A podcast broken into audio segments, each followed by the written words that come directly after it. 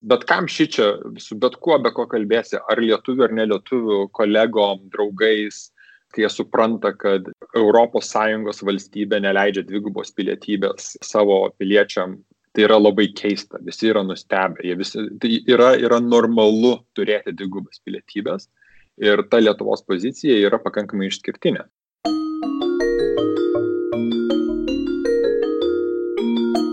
Kai prisidedi prie Lietuvos kūrimo, norėtųsi to atgalinio ryšio. Švietimas, švietama, edukavimas Lietuvoje esančių labai vėlai prasidėjo, realiai mėnesis iki referendumo mes turime vyriausybės paleistą reklamą, kuri tikisi per mėnesį imti ir apšviesti visą mūsų tautą.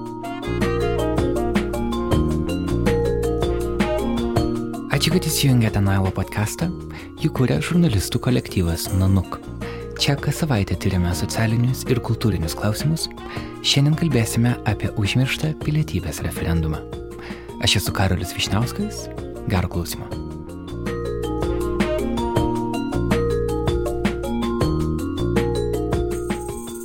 Dar kažką norėtum pridėti, kažką nepaminėjau. Kad eitų balsuotas. Podcastą išlaiko patys klausytojai per Patreon sistemą. Jūs jau daugiau nei 300. Šią savaitę prisijungia Erikas Petrikas ir Justas, o savo sumą padidino Rūta Jakštaitė. Ačiū jiems, prisijungite ir jūs. Adresas yra patreon.com slash nanuk multimedia. Kaip vienas žodis. Dabar mes mėgstame taip, žinot, per garsiakalbius rėkti, kad konstitucija, tautos aktas, Buvo tik vos kelios savaitės visuomenė arba tautai diskutuoti apie galutinį konstitucijos projektą, kuris teikiamas referendumu. Tame diskurse, 92 metų spalio diskurse, referendumas dėl konstitucijos buvo menkutis diskursas. Na, viską užgožė Seimo rinkimai. Taip ir dabar. Gegužės 12-ąją, kai eisime balsuoti į prezidento rinkimus, gausime ir papildomą biuletenį, Jame bus klausimas, kuris pirmą kartą pamačius atrodo painiai. Pabandykim jį išnarplioti. Šiuo metu 12 konstitucijos straipsnis skamba taip. Lietuvos Respublikos pilietybė įgyjama gimstant ir kitais įstatymų nustatytais pagrindais, išskyrus įstatymų numatytus atskirus atvejus, niekas negali būti kartu Lietuvos Respublikos ir kitos valstybės pilietis. Pilietybės įgyjimo ir netekimo tvarką nustato įstatymas. Dar kartą niekas negali būti kartu Lietuvos Respublikos ir kitos valstybės pilietis, išskyrus įstatymų numatytus atskirus atvejus. Taip Konstitucija sako dabar. Teiginys, kurio bus siūloma pakeisti Konstituciją, skambės taip. Lietuvos Respublikos pilietybė įgyjama gimstant ir kitais konstitucinio įstatymo nustatytais pagrindais, čia niekas nesikeis, bet po to eina šis sakinys. Lietuvos Respublikos pilietis pagal kilmę įgyjęs konstitucinio įstatymo nustatytus Lietuvos Respublikos pasirinktos europinės ir transatlantinės integracijos kriterijus atitinkančios valstybės pilietybę, Lietuvos Respublikos pilietybės nepraranda. Kitais atvejais Lietuvos Respublikos pilietis negali būti kartu ir kitos valstybės pilietis, išskyrus konstitucinio įstatymo nustatytas išimtis. Pilietybės įgyjimo ir netikimo tvarką nustato konstitucinis įstatymas. Štai už šią formuluotę arba prieš ją turėsime balsuoti gegužės 12. Šis referendumas vadinasi referendumu dėl pilietybės išsaugojimo. Kad jis įvyktų, turi ateiti balsuoti bent pusė rinkėjų. Prieš nerdami giliau išsiaiškinkime keletą dalykų. Visų pirma, daug lietuvių jau turi dvigubą pilietybę. Pavyzdžiui, nesiniai podcast'ą kalbintas menininkas Ray Bartkus, gyvenantis Filadelfijoje. Tu, kad aš esu išvažiavęs dar su sovietiniu pasu, aš iš tikrųjų išvažiavau, dar tada nebuvo paskelbta Lietuvos nepriklausomybė, tai tada buvo galima... Tai sovietinė, sovietinės Lietuvos pasą tu persidari į nepriklausomas Lietuvos pasą? Jo, ir tada gavai JAV. Ne, aš turbūt prieš tai gavau JAV pilietybę. Lietuvių turinčių dvigubą pilietybę šiuo metu oficialiais duomenimis yra virš 25 tūkstančių. Ir dar neaišku, kokia dalis yra gavę naujos šalies pilietybę, bet apie tai nėra pranešę Lietuvai, dėl to turi du galiojančius pasus. Pernai migracijos departamento duomenimis Lietuva prarado beveik tūkstantį žmonių, nes šie priemė kitos šalies pilietybę. Dalis jų mielai būtų išsaugoję Lietuvos pilietybę, bet tokios galimybės tiesiog neturėjo. Šį pasirinkimą turėjo padaryti ir NASOje dirbanti neuromokslininkė Eglė Čekanavičiūtė. Nuo užpernai ji nebėra Lietuvos pilietė. Prisiminkim, ką apie tai ji kalbėjo podcast'e. Aš Amerikos pilietybę turiu dar tik metai. Lietuvos, žinoma, nebeturiu, nes kai kas neduoda dvigubos pilietybės. Čia rimtai. Čia yra, vat, vien, tu esi vienas. Labas rytas. Vienas tų Nu, atvejų, tai- kai mes tiesiog prarandame žmogų. Nu, man- Prarandam vienintelę NASA mokslininkę Nu, Lietuvę. tai labas rytas, reikia, reikia, reikia leisti dvigubą. Maždaug. O jeigu neleidžia to, ką man. Aš 15 metų gyvenu šaly ir mokesčius moku ir iš jos krūva pinigų baisiausių. Nu, taigi aš, aš, kaip sakant, už studijas gyvenime nemokėjau, man jas apmokėjo. Taip, kad aš ją esu, va, taip širdimi įsiskolinus už tai, kad mane per visas studijas apmokėjo visokias ją stipendijų. Taip, krūvą stipendijų esu gavus visą kitą, tai stengiuosi dabar ir visokius vis studentus ar ką nors šiaip prie kokio mokslo populiarimo vis prisidėti, va, tai kažkaip stengiuosi. Tai taip, nu, gyvenu Amerikoje ir, ir, ir visa kita būtų labai keista neturėti pilietybės. Jau neminint to, kad dirbant tokioj valstybinėje organizacijoje kaip NASA, nusmarkiai praverčia turėti pilietybę. Ir tas ir yra, ir aš aišku, kilmės iš Lietuvos ir aš suprantama to visiškai neslepiu ir jeigu manęs kas nors paklausė, aš mielai atsakau ir mielai papasakoju, bet nu, dabar aš esu tokia, kaip sakant, maišytų kultūrų. Čia verta prisiminti ir kitą Junktinės Amerikos valstijas namais pasirinkusi lietuvį. With the 20th pick in the 1996 NBA draft, the Cleveland Cavaliers select Zydrunas Ilgauskis from Lithuania. Krepšininkas Žydrūnas Ilgauskas 15 metų žaidė NBA lygoje, kur buvo kultinio Lebrono Jameso komandos draugas ir bičiulis. 2013 spalį jis oficialiai tapo JAV piliečiu, tai reiškia, kad nuo tada jis turėjo atiduoti savo lietuvišką pasą. Man apmaudu, kad tokie Lietuvos įstatymai, tada Lietuvos rytui sakė krepšininkas, dabar iš akių dings trys Ilgauskai, čia jis turėjo menį ir du savo sūnus, gal kam nors dėl to bus lengviau kvepuoti. Tada žurnalistai paklausė Ilgausko, ar jis nenorėtų kreiptis į prezidentę ir prašyti gauti dvigubą pilietybę išskirtinėmis teisėmis, bet krepšininkas to nedarė. Nieko nesiskiriu nuo kitų lietuvių, kurie gyvena Amerikoje, Europoje ar Australijoje, tada sakė jis. Arba duokite pilietybę visiems, arba niekam. Bet čia svarbu suvokti vieną dalyką. Kad net ir įvykus dabartiniam referendumui į dvigubą pilietybę pretenduotų tik dalis Lietuvos piliečių. Siūlomoje formuluotėje kalbama apie europinės ir transatlantinės integracijos kriterijus atitinkančias valstybės. Kitaip tariant, ES, NATO ir OECD šalis. Iš viso 42 valstybės, tarp jų įeina ir tokios šalys kaip Norvegija ar Islandija, kurios nėra ES narės, bet yra bendroje integracijos sistemoje, arba, pažiūrėjau, tokios šalys kaip Japonija ar Izraelis, kurios yra OECD šalis. Bet tarp šių valstybių nepatenka Rusija arba Baltarusija ir daugelis kitų nevakarietiškomis laikomų valstybių.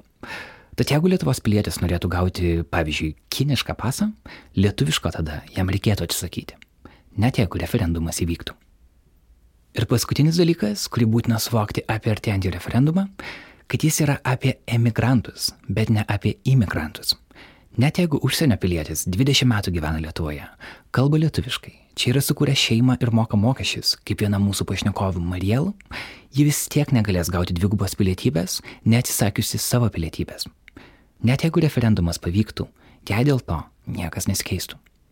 Šitos apribojimus svarbu suvokti, kad pilnai žinotume, už ką balsuosime.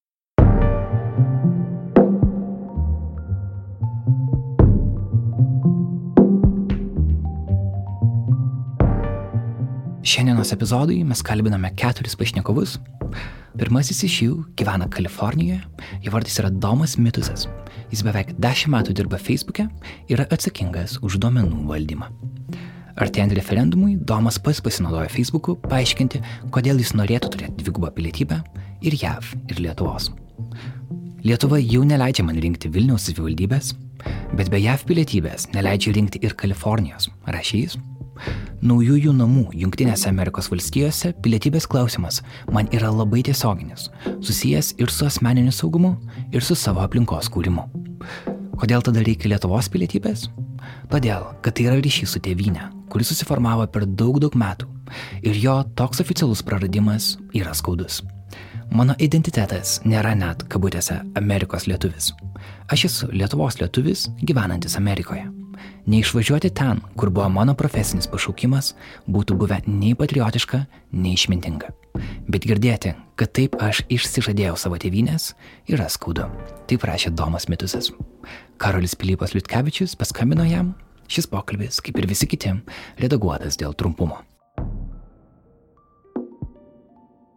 Tomai, tu šiuo metu esi Kalifornijoje, kur šiandien, balandžio 26 dieną, man jau čia 27, 26 dieną įvyko iš ankstinis balsavimas prezidento rinkimuose ir dvigubos pilietybės išsaugojimo referendumą. Ir kaip matau, prieš keturias valandas savo Facebook pranešime rašai, kad tas pasirinkimas abiejais klausimais tau nebuvo visai sudėtingas. Žinoma, buvo ganėtinai lengvas. Pasidariau vokus, padariau viską per 10 sekundžių iš esmės. Nes pakankamai aišku, kokius sprendimus reikia priimti. Reikia bent jau atverti tas duris galimybei būti piliečiais, net jeigu ir priemi kitos valstybės pilietybę. Žiūrint į bendrą kontekstą, kaip yra kitur, ne, nematau kažkokių tai labai didelių tam e, priešiškų stabdžių. O kiek, kiek metų tu jau gyveni e, Kalifornijai? Šešis. Mm, tai čia jau gana nemažas laikas, kad na, kažkokių pažįstamų ir lietuvių ten rastum, ar ne? Ar, ar kažkaip bendrauji su kažkokiam lietuvių bendruomenėm, ar, ar turi ten kažkokių pažįstamų lietuvių? Tai žinoma, čia pas mus yra ir slėnio lietuvių bendruomenė, žmonės yra sukūrę šeimas ir su lietuviais, ir nesu lietuviais, žmonės augina vaikus, aš galiu pasikalbėti su jais apie tai, nes tas, tas klausimas yra, jeigu man jis yra asmeninis, kiti žmonės galvoja apie tai, ką tai reiškia, kai jų vaikai užauks ir jiem, jų vaikams reikės rinkti rinktis, kurį pasą pasirinkti, nors jų vaikai gali turėti ir lietuviškiausius vardus ir kalbėti lietuviškai, bet jiems nebus suteikta galimybė uh, pasilikti pilietybės, nors iš tiesų jų tėvų istorijos yra tiesiog uh, įdomios, įdomių šio laikinių žmonių istorijos, tai nieko nėra, ko turėtume čia bijoti ar, ar nuo ko slėptis. O kokia, kokia bendra nuotau, nuotaika tame lietuvių tarpe, to, būtent dvigubos pilietybės klausimu e, ir, ir kaip jūs žiūrit į tas diskusijas, kurios vyksta Lietuvoje? Tai visų pirma yra, yra labai keista vienas dalykas, tai uh, matome, kad uh, yra pakankamai didelis priešiškumas tam klausimui, nes bet kam šį čia, su bet kuo, be ko kalbėsi, ar lietuvių ar nelietuvių kolegom, draugais, pažįstamais, visiems tas klausimas, kai jie supranta, kad e, ES valstybė neleidžia dvigubos pilietybės e, savo piliečiam, e, kad ir, tarkim, Amerikos atžvilgių, tai yra labai keista, visi yra nustebę, jie visi, tai yra, yra normalu turėti dvigubas pilietybės ir ta Lietuvos pozicija yra pakankamai išskirtinė. Apie tai gali, labai gerai gali pritarti indai, kurie jau savo paso tikrai nesilaikys per smarkiai jie ims Amerikos pilietybę negalvodami. Tai yra tų kitų valstybių, kurios neleidžia, bet tais atvejais jau žmonės dažnai ir e, nesilaiko tiek tų ryšių su savo, savo tėvynėm. Bet iš esmės visi e, lietuviai tai labai džiugiai norėtų būti dvigubais piliečiais, nes daliai jų, kurie turi savo sukurtus e, karjerą, savo gyvenimą, savo pasiekimus tarptautinėme kontekste, tai jiems net tas, tas klausimas, kad kažkas tai blogai tame, kad jie turės dvi pilietybės, jis yra keistas. Tai, tai norinčiai jas turėti yra iš esmės visi. Uh, tada klausimas, jeigu jų neturi, ką tada darai, ar pasilieki su lietuviška, ar imi naują. Ir yra pakankamai skausminga žiūrėti į daug piktų, pagažingų nuomonių apie, apie tą išvažiavusią žmogų, nes uh, nu kaip tas, tas išvažiavimas. Jis nebuvo taip, kad bėgi nuo kažko, tai tiesiog e, žinai, kad tavo gyvenimas gali būti su daugiau išsipildžiusių svajonių, jeigu pasirinksi kažkokį kelią, kuris ganėtinai unikalus gali būti. Mhm.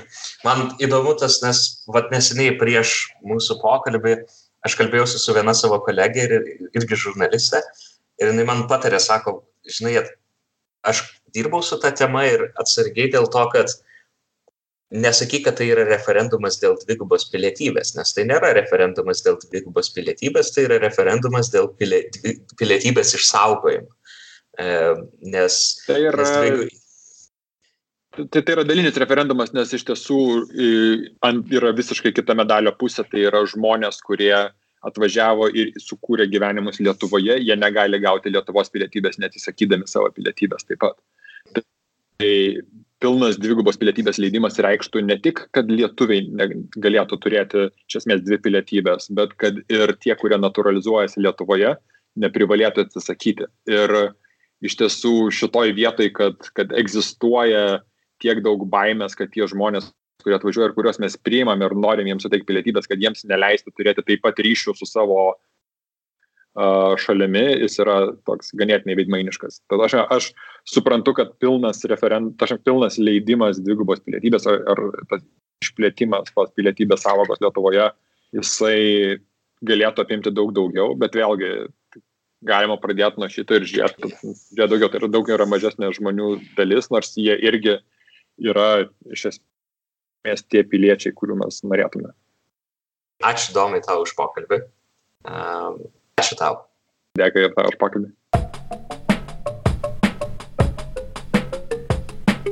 Žurnalistė Mariel Vitjuo yra vienas tų lietų žmonių, kurie apie Lietuvą nuolat pasakoja pasauliui. Ji dirba Prancūzijos nacionaliniam radijui ir pati turi prancūzišką pasą, bet pastaruosius 20 metų ji gyvena Lietuvoje. Mariel kalba lietuviškai, jos vyras yra lietuvis, o vaikai turi ir Lietuvos, ir Prancūzijos pasus bet ji negautų Lietuvos pilietybės net ir po konstitucijos pakeitimo pagal dabartinį pasiūlymą. Iškirskime, ką ji turi apie tai pasakyti. Su Marijal kalbasi Artūras Morozovas. Nors savo laiko gal pirmiausia gal europietė, nes tai yra mano, mano kelias ir mano kartos kelias, nes man buvo uh, 13 metų, 14 metų, kai Berlyno siena dingo, kai buvo sugrauta. Tai įvyko lapkričio mėnesį 89 metais ir pavasarį 90 metais. Nu, po pusmečio jau su vokiečių kalbos mokytoja mes jau keliavom į Berliną. Tai buvo neįtikėtinas dalykas turbūt Vilnius e, istorija irgi mane formavo tam tikrą prasme, kiek gyveni čia 20 metų, tos visos įtakos skirtingos, e, tai irgi įtakoja tave. Tai šiuo metu Lietuvos statymai kaip ir leidžia tu visiškai laisvai gyventi e, Lietuvoje, bet kalbant apie dvigubą pilietybę, tarsi tu galėtum pretenduot gauti Lietuvos pilietybę, ją gauti, bet tuo, moment, tuo metu tau reikėjo tada atsakyti Prancūzijos pilietybės. Taip, aš e, ištekėjus tam tikrų pakankamai laiko, kad pretenduot, aš gyvenu čia pakankamai laiko, vaikai yra, nu, turi irgi Lietuvos pilietybę pakankamai žino kalbą, istoriją, konstituciją, kad e, turi teisę į tą Lietuvos pilietybę, bet atsisakant Prancūzijos pilietybei.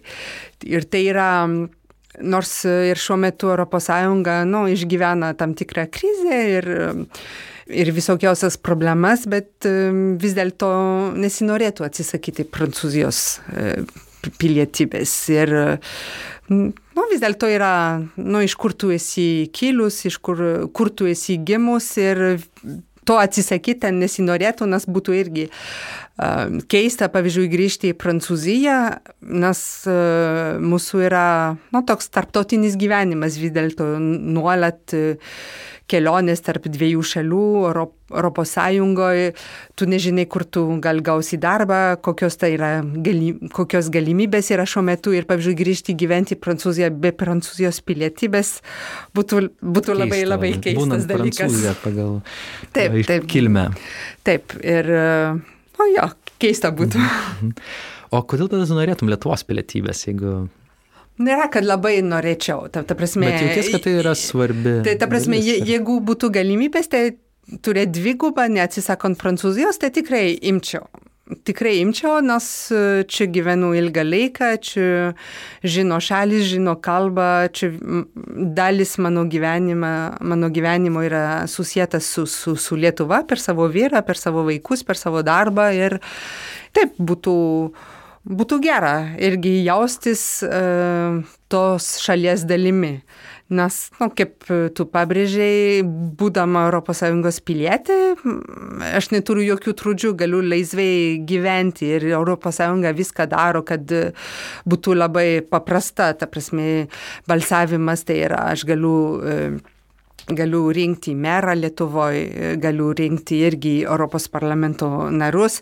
Viskas yra sutvarkytas. Tai ta pilietybė nėra būtina čia gyventi, kai tu pats esi ES pilietis, bet gal labiau dėl moralinių dalykų mano vyrui, gal mano vaikams būtų irgi smagu, kad turėčiau tą, tą pilietybę. O būdama prancūzė, prancūzė ir gyvendama Lietuvoje, ar susiduri su kažkokiais, nežinau, statyminiais trukdžiais, ar yra kažkas būtyje, kasdienybėje sunkiau, nu turiu minėti apie biurokratiją, apie kažkoks papierizmus, negu, pavyzdžiui, tavo vyrai? Jo, buvo vieną kartą, reikėjo, bet čia buvo seniai, gal dabar pasikeitė, nežinau.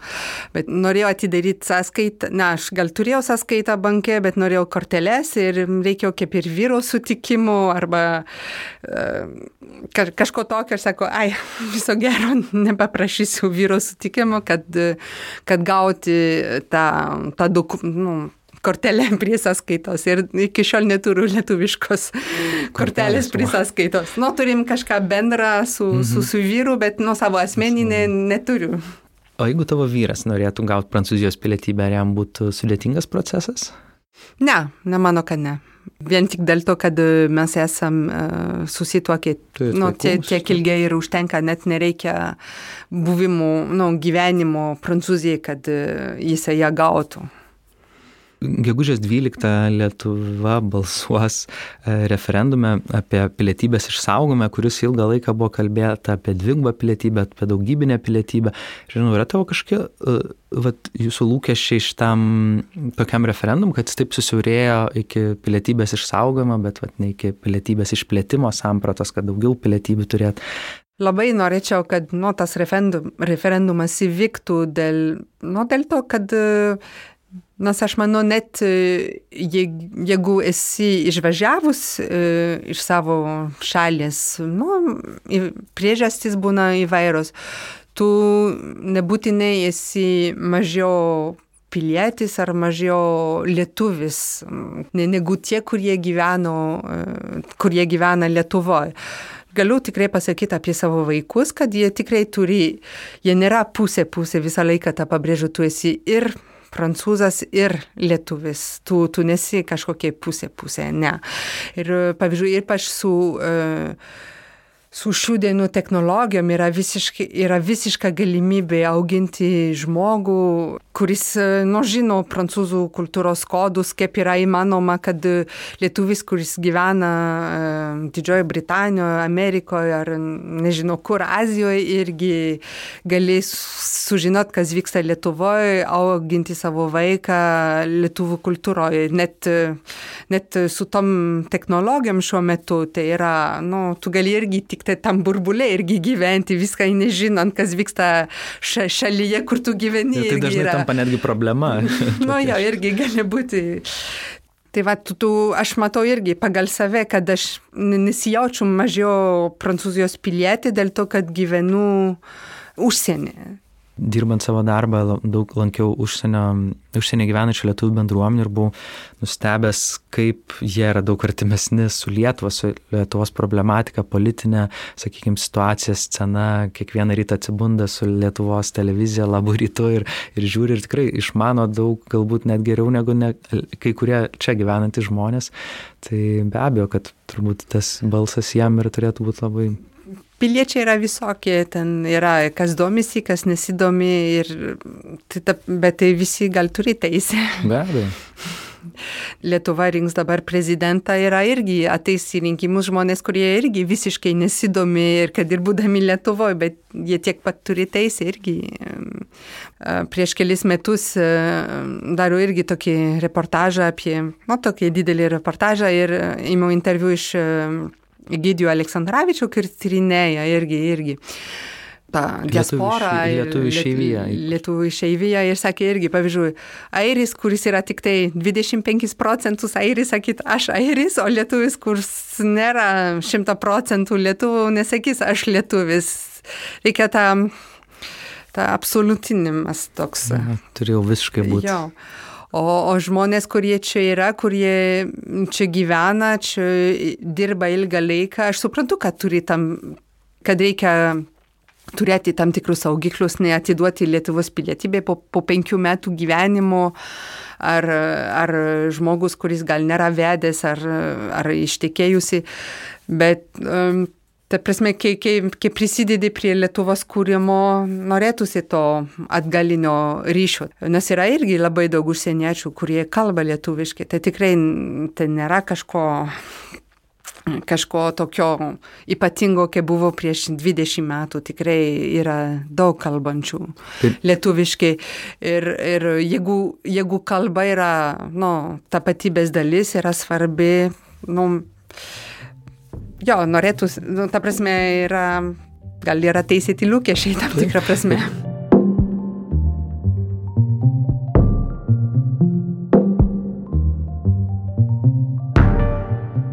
Jūs klausote Nailo podcast'o, šiandien čia analizuojame artėjantį referendumą dėl pilietybės išsaugojimo. Pasaulio lietuvių jaunimo sąjunga vienyje virš 30 jaunimo sąjungų ir bendruomenių visame pasaulyje. Kaune susitikome su tarp Danijos ir Lietuvos gyvenančia organizacijos valdybos nare Indrė Aleksandrovičiūtė. Iškirskime, ką ji turi pasakyti. Aš esu labai kosmopolitiškų pažiūrų ir pati išvykau į užsienį studijuoti, nes aš galiu, o ne dėl to, kad man Lietuvoje yra blogai ir šiuo momentu esu grįžusi tačiau ateityje dar planuoju išvykti, tačiau aš tikiu, kad tokių žmonių yra labai daug, galbūt jie netgi ir yra nusėdę ir gyvena užsienio šalyse.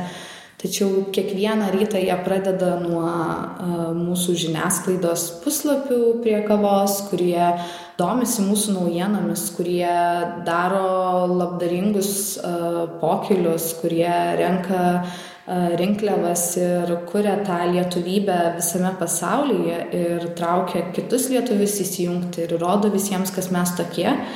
Ir aš manau, kad būtent pilietybės išsaugojimas ir yra ta priežastis mums suprasti to ryšio svarbą. Nes jeigu mes atskirsime realiai tokius pačius žmonės kaip ir mes nuo savęs, tai mes iš tiesų galime labai daug prarasti. Aš visada juokiuosi, kad uh, Lietuviai šiaip uh, turi tokią tendenciją piktintis uh, ant išeivių už tai, kad va jūs išvykote, bet jeigu koks nors išeivis pasiekia, ką nors arba gauna apdovanojimą, tai va lietuviai. arba jeigu tavo koks nors artimasis išvažiavo, čia sienė lojalus išdavė, bet va, mano pusbrolis tas, kuris Anglijoje. Tai va, taip, taip, tai jau mano pusbrolis, tai, bet, bet jisai tai geras, nes uh, visi kiti yra blogi ir aš manau, kad tas skirstimas į ten ir čia yra a, truputėlį nepagrystas ir netgi iš abiejų pusių, nes a, iš tiesų lietuviai išeiviai, jie labai daug turi tų ryšių su Lietuva, kiek mes turime pritraukę investicijų, atvedę įvairių kompanijų į Lietuvą vien tik dėl to, kad kažkuriuo momentu atsirado lietuvis, kuris laiku ir vietoje pasakė, o gal Lietuva. Tai čia yra irgi vienas iš tų dalykų, kas visai galbūt padėtų suprasti mums tą savo identitetą. Ir tai yra labai svarbu pasaulio lietuviams, nes tas pats mūsų dabartinis breksito fonas. Esu girdėjusi istorijų, kad yra lietuvių, kuriems siūlo įmonės, bijodami prarasti juos per uh, visą Brexit chaosą, siūlo netgi apmokėti išlaidas, kad jie gautų Junktinės karalystės pilietybę. Tačiau, tokiu būdu prarastų Lietuvos. Tačiau tokiu būdu jie prarastų Lietuvos. Ir tas pilietybės išsaugojimas labai dažnai tampa būtent tuo pagrindu, kaip tuos žmonės um, galbūt, sakyčiau, pritraukti ir, taip sakyčiau, gal negražiai priversti nepamiršti čia galbūt kiek ir netikslu ir gal kiek drąsu. Bet... Išvengti to momento turbūt skaudus, kada tu turėtum rinktis dėl galbūt. Taip, nes pagal abstrakčias statistikas tai 70 procentų išeivių yra nuo 15 iki 44 metų amžiaus. Kas reiškia, kad tų žmonių planuose dar Lietuva gali atsirasti ir yra beje, dar tikrai didel, didelių kiekių žmonių, kurie, jeigu tu išvyksti į užsienį ir tu paklausi, um, tai tu planuoji čia likti, iš tiesų labai retas, kuris atsako, kad jis planuoja likti. Ne, jie pasako, kad aš pastudijuosiu, padirbsiu, tada grįšiu kurti Lietuvai. Tai iš principo pamačius, kad mes iš tų žmonių atimame tai, ką jie turi įgyję nuo gimimo, tai yra truputėlį skauda. Jūsų organizacija net nebejoja, kad bendraujate su daug lietuvių bendruomenių ir truputį turbūt turit nuojautą ir gal galėtum daugiau papasakoti apie lūkesčius prieš šį referendumą. Minėjai, kad užsiregistravo ir apie 40 tūkstančių balsavimo teisę turinčių lietuvių gyvenančių užsienyje. Ir kokie yra tie lūkesčiai jų ir, ir nežinau, ar tai yra labai jautrus klausimas? Oi, tai yra beprotiškai jautrus klausimas. Ir turbūt lietuviai yra tokie žmonės, kur mums uh, užtenka poro žodžių, kad įsipliekstų diskusijos. Ir tarptų pačių išeivių tai yra tikrai labai jautrus ir labai skaudus, labai dalinantis žmonės klausimas. Labai yra daug baimės šiuo metu ore, nes švietimas šią temą, edukavimas Lietuvoje esančių jisai labai vėlai prasidėjo, realiai mėnesis iki referendumo mes turime vyriausybės paleistą reklamą, kuri tikisi per mėnesį imti ir apšviesti visą mūsų tautą, kas yra logiškai neįmanoma.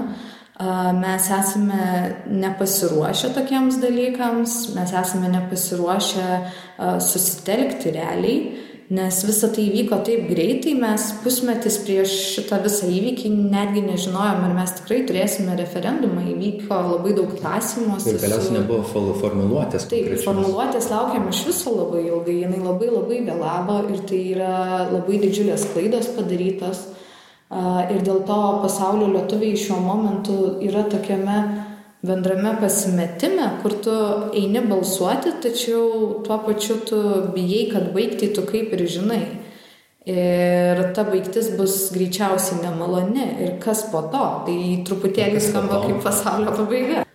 Tai, kas laukia po to, kas greičiausiai yra labai didžiulis nuopolis, kas mūsų laukia, pasitikėjimas mūsų pačių valstybė. Mes galime kalbėti apie tos žmonės, kurie bus realistiški ir racionalūs ir žino, kaip veikia procesai ir kad tai galbūt nėra kelio pabaiga, tačiau yra labai daug žmonių, kurie iš tiesų nesidomi tokiais dalykais ir jie tai priims kaip įžeidimą, kaip tam tikrą atmetimą, tokią, sakyčiau, atmetimo reakciją iš jų pačių šalies ir tada gali įvykti labai daug negražių dalykų, žmonės gali pradėti atsisakinėti savo pilietybių ir mes pradėta, turime pradėti kalbėti ir apie tai, kokia mūsų reputacija kaip užsienio lietuvių, kok, kokią reputaciją tada pasilieka bendruomenės, kuomet uh, realiai bus pradėta galvoti, kad nebuvo padaryta viskas, kad baigtis būtų pozityvesnė.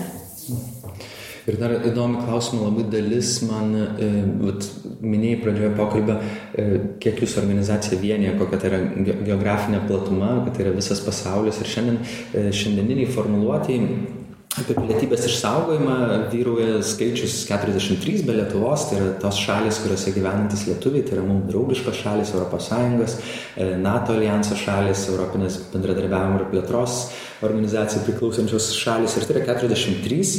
Tačiau pasaulio daug daugiau šalių ir kaip jaučiasi tie lietuviai, kurie nepatenka į tą sąrašą, tarkim, gyvenantis Rusijoje, Indijoje ar dar kažkur. Ar teko kažkaip užmėgsti kontaktą su jais ir išgirsti jų nuomonę? Teko išgirsti nuomonę, įskaitant tas pačias Lietuvos etin, etinės žemės.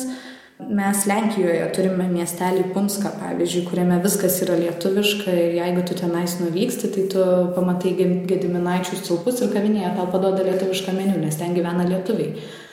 Tačiau jų neliečia šitas įstatymas, nes jie turi įrodyti savo lietuvišką kilmę, kas beje irgi yra ganėtinai sunku, nes tu turi turėti savo protėvių, prosenelių, proprosenelių gimimo dokumentus arba įrodymą kažkokį, kad tu esi lietuvis, kas yra ganėtinai sudėtinga. Šiais laikais kitas reikalas, tai tos šalis, kurios nepatenka, iš tiesų kai kur netgi kyla tam tikri tokie boikotavimai šių rinkimų, nes, na, iš tiesų jie tikrai jaučiasi įžeisti ir aš tą pilnai suprantu jų atžvilgiu, nes uh, dėl mūsų baimių ir nuogastavimų, kai kurių pagristų, o kai kurių labai nepagristų, mes realiai atskiriame savo žmonės ir pradedame brokuoti į tuos, kurie yra labiau lietuviai arba mažiau lietuviai arba mažiau verti pilietybės kas iš tiesų liūdina juos ir jie tada tampa pikti ir jie tada reiškia savo nuomonę tiek žiniasklaidoje, tiek bendrai mes taip galime iš tiesų susikiršinti tarpusavyje. Ir tada padariniai bus tokie, kad jie gali ir nebeišgirsti apie tai, kad tai yra tik tais kelio pradžia, nes jie mato tik tais tai, kad jie yra atskirti. Kai gimsta antras vaikas, tai pirmo vaiko nenustoja įmylėti. Tai manau lygiai taip pat yra su pilietybėmis, nes ta, lygiai taip pat, kai aš gyvenau užsienyje, man lygiai taip pat rūpėjo, kas vyko toje šalyje, iki šios dienos pasiskaitau tiek tenais politinę situaciją ir visą kitą. Aš manau, kad galima mylėti ir daugiau šalių vienu metu ir jaustis uh, tuo globaliu piliečiu, nes jau atėjo metas, jau turime tapti šiuolaikiškais, jau turime tapti kosmopolitiškais ir suprasti, kad pasaulis nėra kaip puzlė, kuri nesusijungia. Jis susijungia į vieną ir tos jungtys gali būti ir labai globalios. Tai ačiū labai už tavo mintis, kad jam pasidalinai, nežinau, gal dar kažką norėtum pridėti, kažką nepaminėjau. Kad eitų balsuotis. Tvarka, dėkui.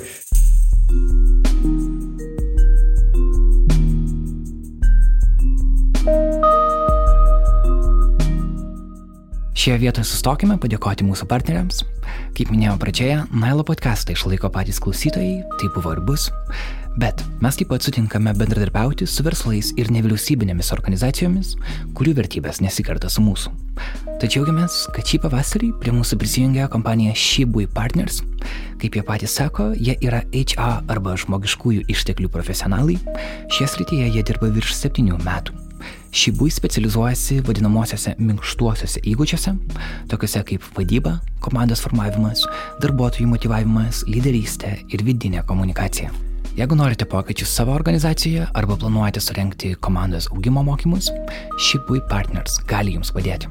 Visą informaciją raskite shibui.lt. Pirmos raidės yra SH.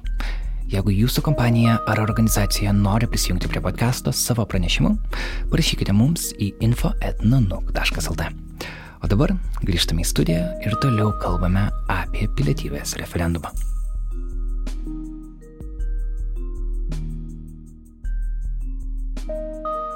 Man svarbiausia nebūti tuo, kuris plaukia pasroviui.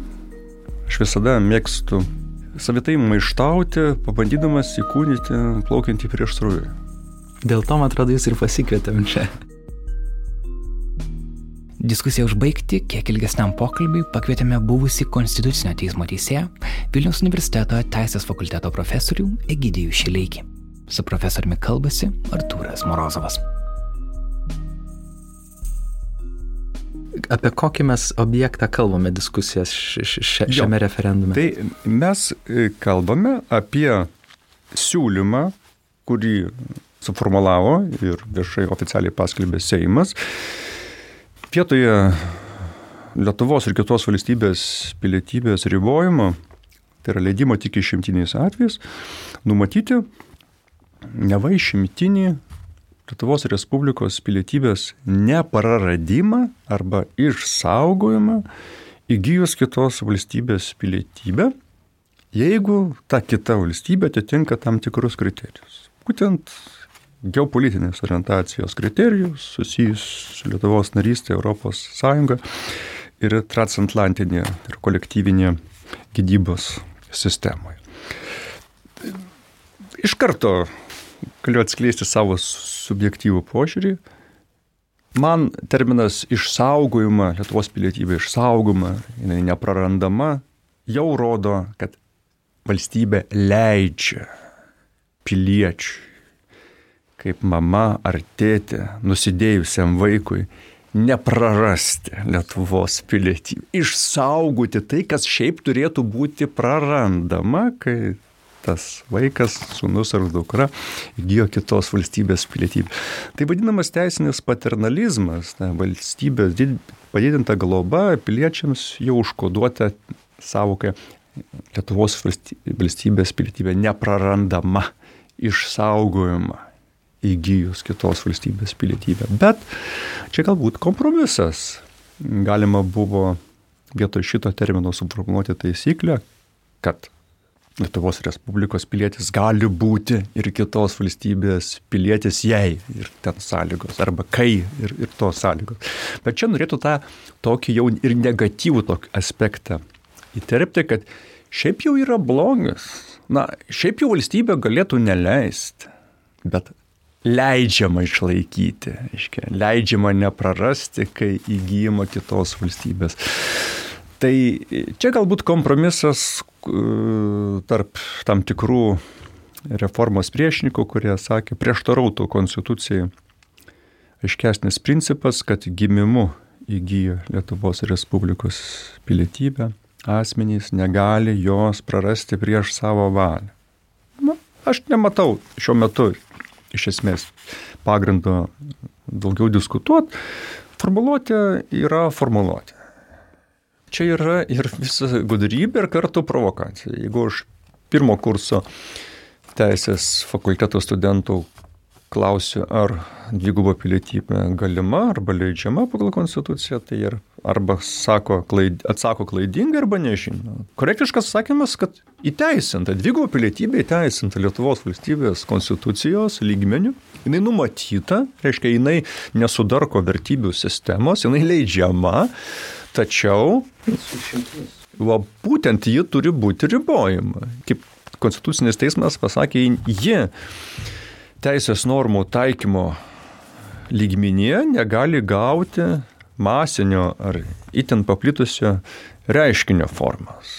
Ir čia ir yra ar silpnoji vieta, ar diskutuotina vieta susijusi su konstitucijos aiškinimo metodologija.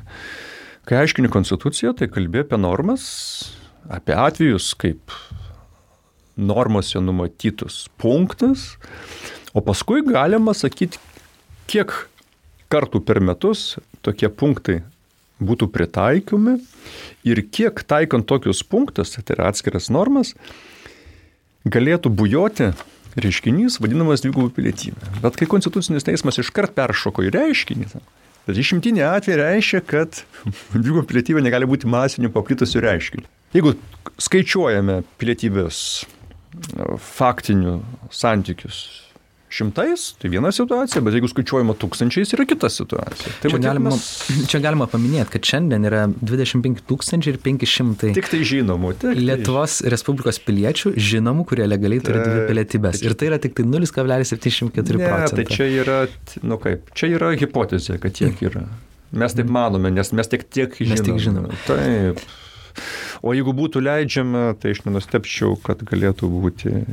Kitaip tariant, čia yra labai įdomus klausimas, kurio aš jūsų vėliau norėjau paklausti, bet jau dabar taip išėjo, kad e, kuomet jūsų pranešimo klausiau labai įdomaus e, Vokietijos lietuvių jaunimų sąjungos su, suvažiavime Maince prieš gerą mėnesį e, ir, ir jūs kalbėjot būtent apie daugybinę pilietybę, apie pilietybės išsaugojimą, pastebėjau, kad publikai, tai yra Vokietijai gyvenančias tiems ir dirbantiems lietuviams, jauniems žmonėms daugumoje, aktualiausias klausimas buvo, ką daryti, jeigu tu turi jau tas dvi pilietybės, tiesiog nesipranešęs. Tai yra lietuviai, kurie gyvena Vokietijoje ir jau Vokietijos pilietybę, bet nėra pranešę migracijos departamentui ir už tai kaip ir numatyta administracinė atsakomybė. Čia vienas yra iš tų įstatyminių dalykų, man atrodo, kur ypač aktualus užsienį gyvenantiem lietuviam. Niekada aš buvau apie tai nesusimastęs, taip, kad yra toks mastas žmonių ir tai teko mums ir su Indrė Aleksandrvičiūtė kalbėti pasaulio lietuvių jaunimo sąjungos valdybos nare, kuris sakė, kad taip, tokių atvejų yra.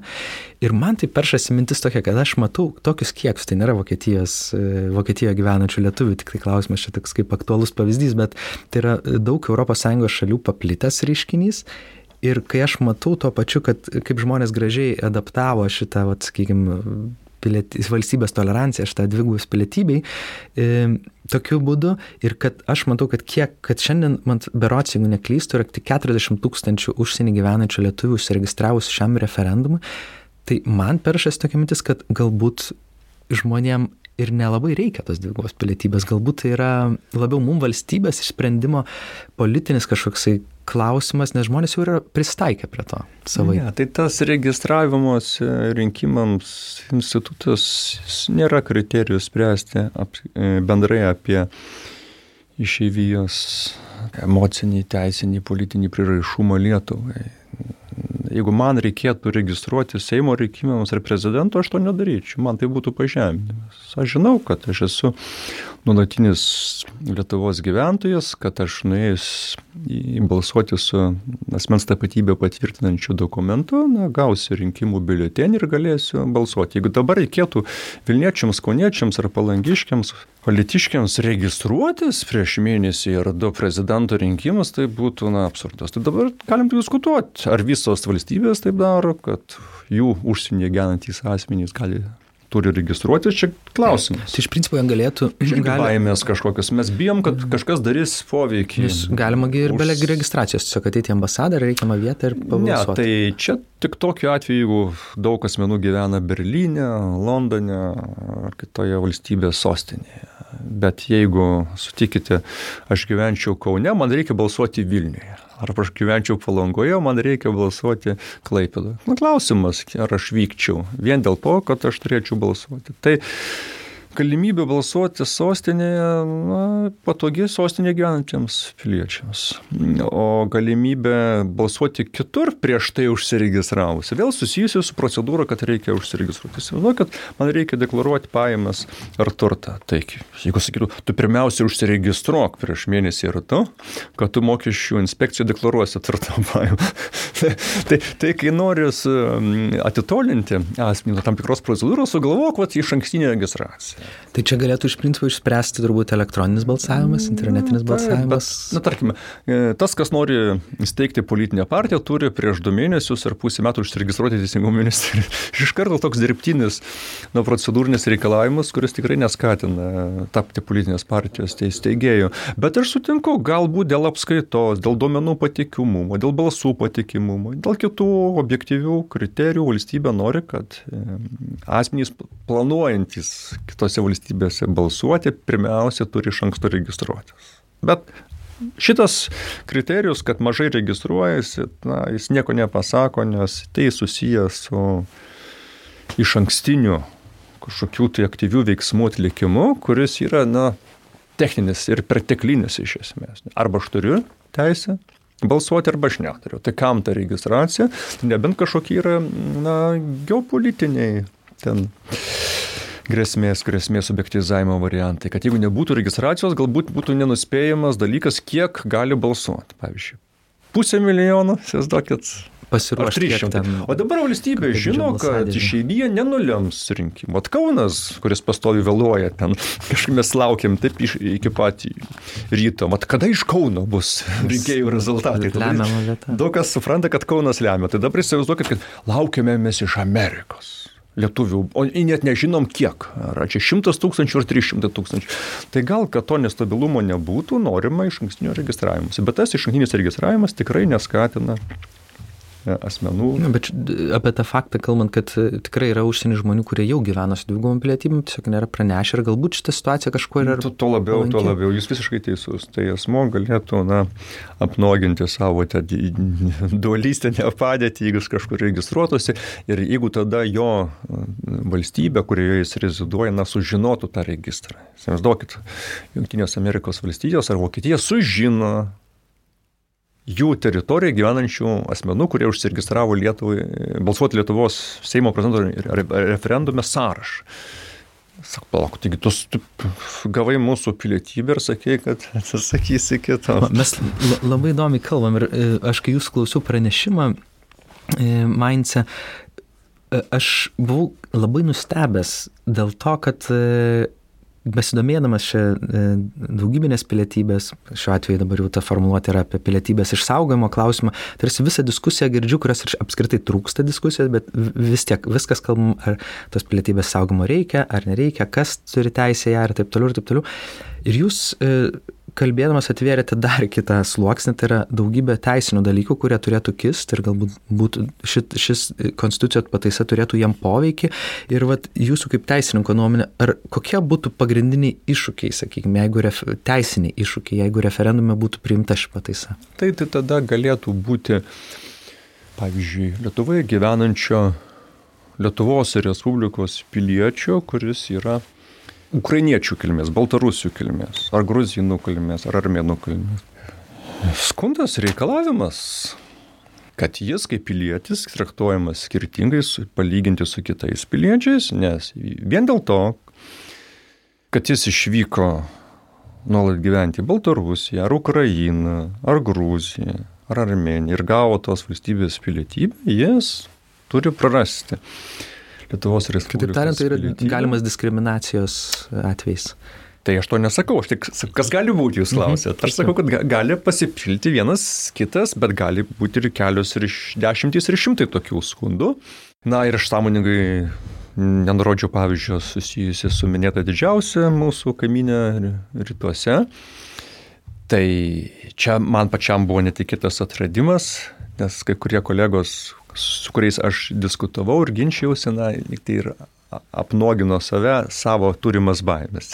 Aš visada galvojau, kad dauguma pašnekovų bijo kaiminės uh, Rusijos dėl Lietuvoje gyvenančių rusakalbių, na, tų, kurių gimtoji kalba rusų kalba, tarkime, Klaipidos miesto gyvenantų arba, arba Vilniaus rajone įsikūrusių Lenkų uh, kurie save priskiria Lenkų kultūrai. Kad jie to... Diskusijos metu aš perkandau kai kurios pašnekovus, jie atidengė savo, kur pasirodo, jie bijo, bijo, bijo etninių lietuvių. Na, tokių, kurių gimtoji kalba lietuvų kalba, kurio, kurių tradicijos, papročiai, gyvenimo būdas visada sėti ne, ne su Lenkų kultūra ar kita kultūra, bet su lietuvių kultūra. Aš išpučiuokis, sakau, nespratau. Sakau, sak, lauk, tu- net neįsivaizduoji, kiek yra visokių verslininkų, visokių kitokių asmenų, kurie nuolat vyksta į Rusiją dėl verslo ar kitų dalykų ir jiem tikrai keliauti patogiau būtų turint Rusijos valstybės piliečio pasą. Tai sako, čia būtų na, sunkiai nuspėjimas padarinių fenomenas.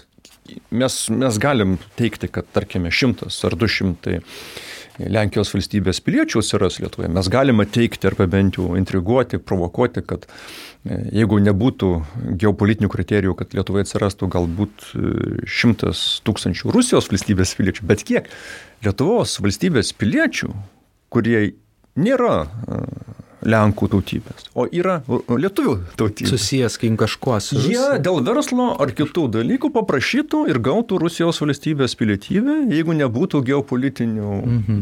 Labai įdomu. kriterijų. Tada aš, žinot, net atsilašiau. Pasirodo, ta diskusija, tai ta kova po kilimu. Mes sakome, mes bijome Lenkų, Lietuvos Lenkų, taip mūsų Vis dar po tiek laiko gyvenimo darnoje. ir Mū- Mūsų kas, vienas iš- daugelio kasdieninių pašnekovų, draugų, kolegų dirbančių įvairiuose darbovietėse mes bijom Lietuvos rusų, tvarkoj, čia istoriškai, bet mes bijom Lietuvos lietuvių, kurie gali. kurie galėtų būti linkę papildomai įgyti Rusijos valstybės pilietybę ne tam, kad jie norėtų būti rusai, bet kam Rusijos verslininkai. Tai man buvo nauja. Aiškiai, aš supratau, kad mes kaip valstybė tokie trapus, net, netgi ir tokios baimės mes O, čia liūdna nesame išguję. Liūdna girdėti. Jo, guja, liūdna, bet aš tada visada sakau, kad nuo pat diskusijos pradžios, kaip keisti dvigubą pilietybę, buvo modeliuojamas narystės ES kriterijus ir transatlantinės integracijos kriterijus.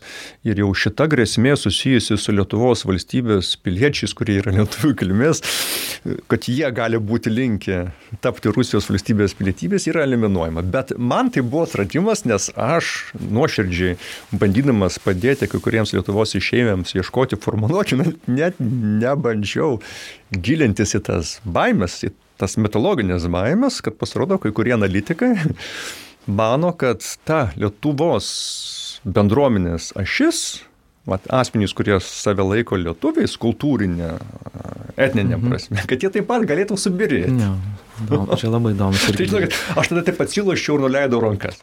Aš dar kiek panalizavau tokių baimių iš labiau iš visuomenės pusės, veikiau gal nebūtinai baimių, bet tokių nesusipratimų, kur žmonės nežino, kaip bus. Aišku, toks vienas populiariausias e, klausimas, kuris dažnai patikimas kaip e, šitas, šitos problematikos, toks Gordijaus mazgas, kuris tarsi supriešina ir e, tai yra privalomoji karo tarnyba. Kas bus, jei, tarkim, JAV gyvenantis 18-metis bus pakviestas atlikti privalomą karo tarnybą ir ar jis tikrai galės ten atvažiuoti į medicinos apžiūrą ir taip toliau ir taip toliau. Dainame net iki tokių situacijų, kad kas bus, jeigu tos dvi valstybės kovos ir kurią reikėtų ginti ir taip toliau. ir taip. Ką Jūs manote, ar Ne. turėtų kis šis Ne, tai įstatymas? jeigu mes kalbame apie valstybę, dvi valstybės, kurios leidžia piliečiams turėti kitos valstybės pilietybę. Tarkime, Vokietija leidžia ir Lietuva leidžia. Tada nekyla problemų. Iškia, Vokietijos pilietis gali būti Lietuvos valstybės piliečiu. Tai yra būdai, kaip tuos dalykus sureguliuoti. Aš manau, kad neteisinga, jeigu dvi valstybės verstų pilietį du kartus atlikti karo tarnybą. Tai neteisinga. Aš manau, kad jeigu mes kalbam apie būtent e, iš, išvažiavus po 91 metų tą bangą, tai yra labai aktuolus klausimas, nes daugelį turbūt jų vaikų arba netgi patiem nuoliam tai yra tas laikas, kai jie dar patenka į tą klausimą. Aš manau, kad galėtų būti tada dvišaliai susitarimai, pagal kuriuos pilietis kitoje valstybėje atlikęs karo na, prievolę nebūtų kviečiamas pakartotinai dar kitoje valstybėje atlikti karo prievolę. Tai susiję netgi su karinėmis paslaptimis. Taip, ir karinės paslapties statymas taip pat neleidžia, ne, neleidžia jeigu turi dvigubą pilietybę. Aišku, yra tam tikra tarnyba, kuri susijusi ten su statyba ar su inžinierija ir ten tokių galbūt paslapčių, karinių paslapčių nėra. Bet aš manau, kad ES valstybėse narėse, na, neturėtų būti tokių atvejų, kai vienos ES valstybės narės pilietis per savo gyvenimą būtų atlikęs dvi karo privalomas tarnybas skirtingose valstybėse. Dvi ar tris, nes gali būti ir trijų pilietybių turėtojai. Tai kokie bus jūsų lūkesčiai tą gegužės 12 dieną ir, ir kaip, nežinau, kaip jūs pasitiks tą dieną, nes yra daug ką, ką aptarti ir iš principo tai keistusi ne tik šis konstitucijos straipsnis, bet ir daug daugiau ir, nežinau, kaip teisininkas laukiate tos dienos. Na, man svarbiausia, kad būtų pojūtis, kad pirmajame Respublikos prezidento balsavimo turi susiklosto unikali situacija, kuri susiklostė 92 metais spalio 25 dieną Seimo narių rinkimo pirmajame turi. 92 spalio 25 dieną konstitucija buvo šešėlėje parlamento rinkimų. Kai vyko referendumas dėl konstitucijos prieimimo ir vyko Seimo rinkimai. Ir dabar mes mėgstame taip, žinot, kaip iš tribūnų per garsiakalbius rėkti, kad konstitucija, tautos aktas, o aš kaip mėgstantis plaukti šiek tiek nepasroviai, visada noriu įterpti kritišką, originalią nuomonę.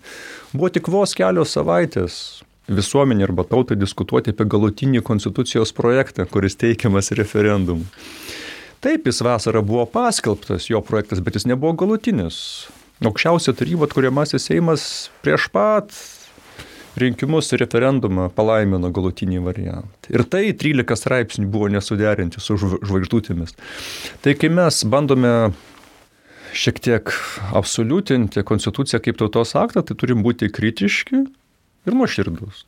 Tame diskurse, 92 metų spalio diskurse, referendumas dėl konstitucijos buvo menkutis diskursas.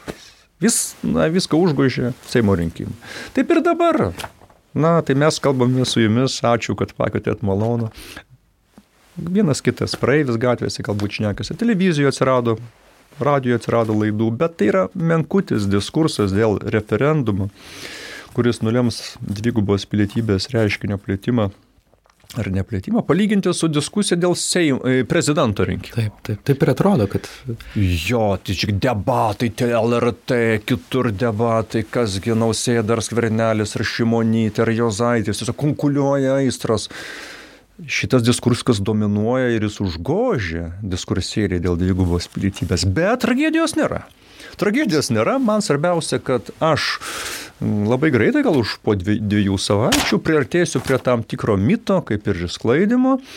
E, visiems bus aišku, kad Lietuva yra tam tikros kaip ir kryškelės situacija. Nes pirmas skirsnis niekada nebuvo judintas referendumo ligmenyje. Koks jūsų pavaik būtų palinkėjimas tiem žmonėm einantiem gegužės 12 dieną balsuoti referendume? Na, tai neieškoti draugų ir priešų, nekurti draugų ir priešų.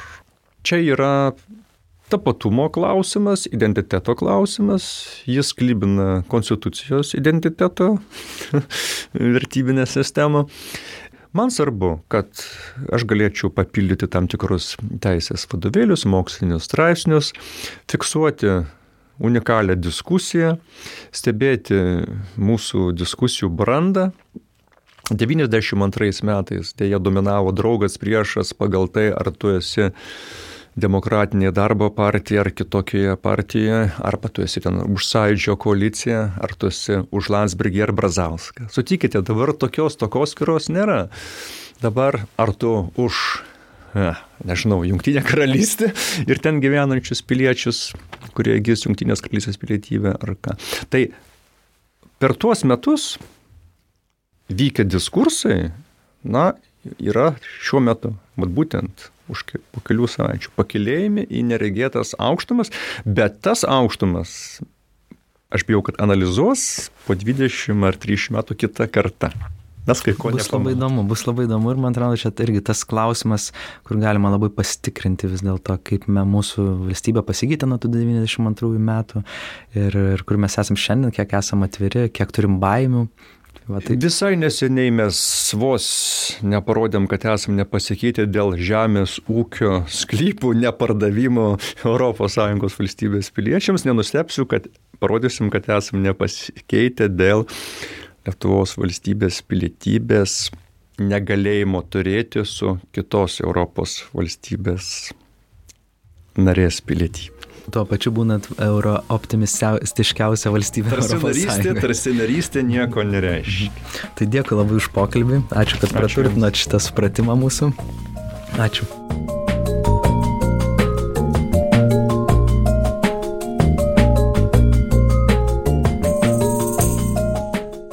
Toks mūsų epizodas šiandien. Ačiū, kad buvote kartu. Jį vedžiau ir redagavau aš Karolis Višniauskas, interviu rengė Artūras Morozovas ir Karolis Pilypas Liutkevičius. Muziką kūrė Martinas Gailius. Interviu su profesoriumi Šileikiu ir žurnaliste Mariel įrašėme nacionalinėje Martino Mašvito bibliotekoje. Čia pat įrašome ir šį mano studijinį balsą. Studijoje dirba garsistės Kati Bitoft ir Aistė Baltraitytė. Kaip ir visada, Nailo pašnekovus galite pamatyti foto istorijoje Nailo.lt tinklalapyje ir Nanuk Facebook'e. Fotografijų autoriai yra Artūras Morozovas ir Berta Tilmantaitė. Kitą savaitę toliau liekame prie politinių temų. Kviesime išgirsti Nile Update epizodą, kur kartu su Marylando universiteto vyrmokslininkė Eglė Murauskaitė kalbėsime apie artėjančius prezidento rinkimus.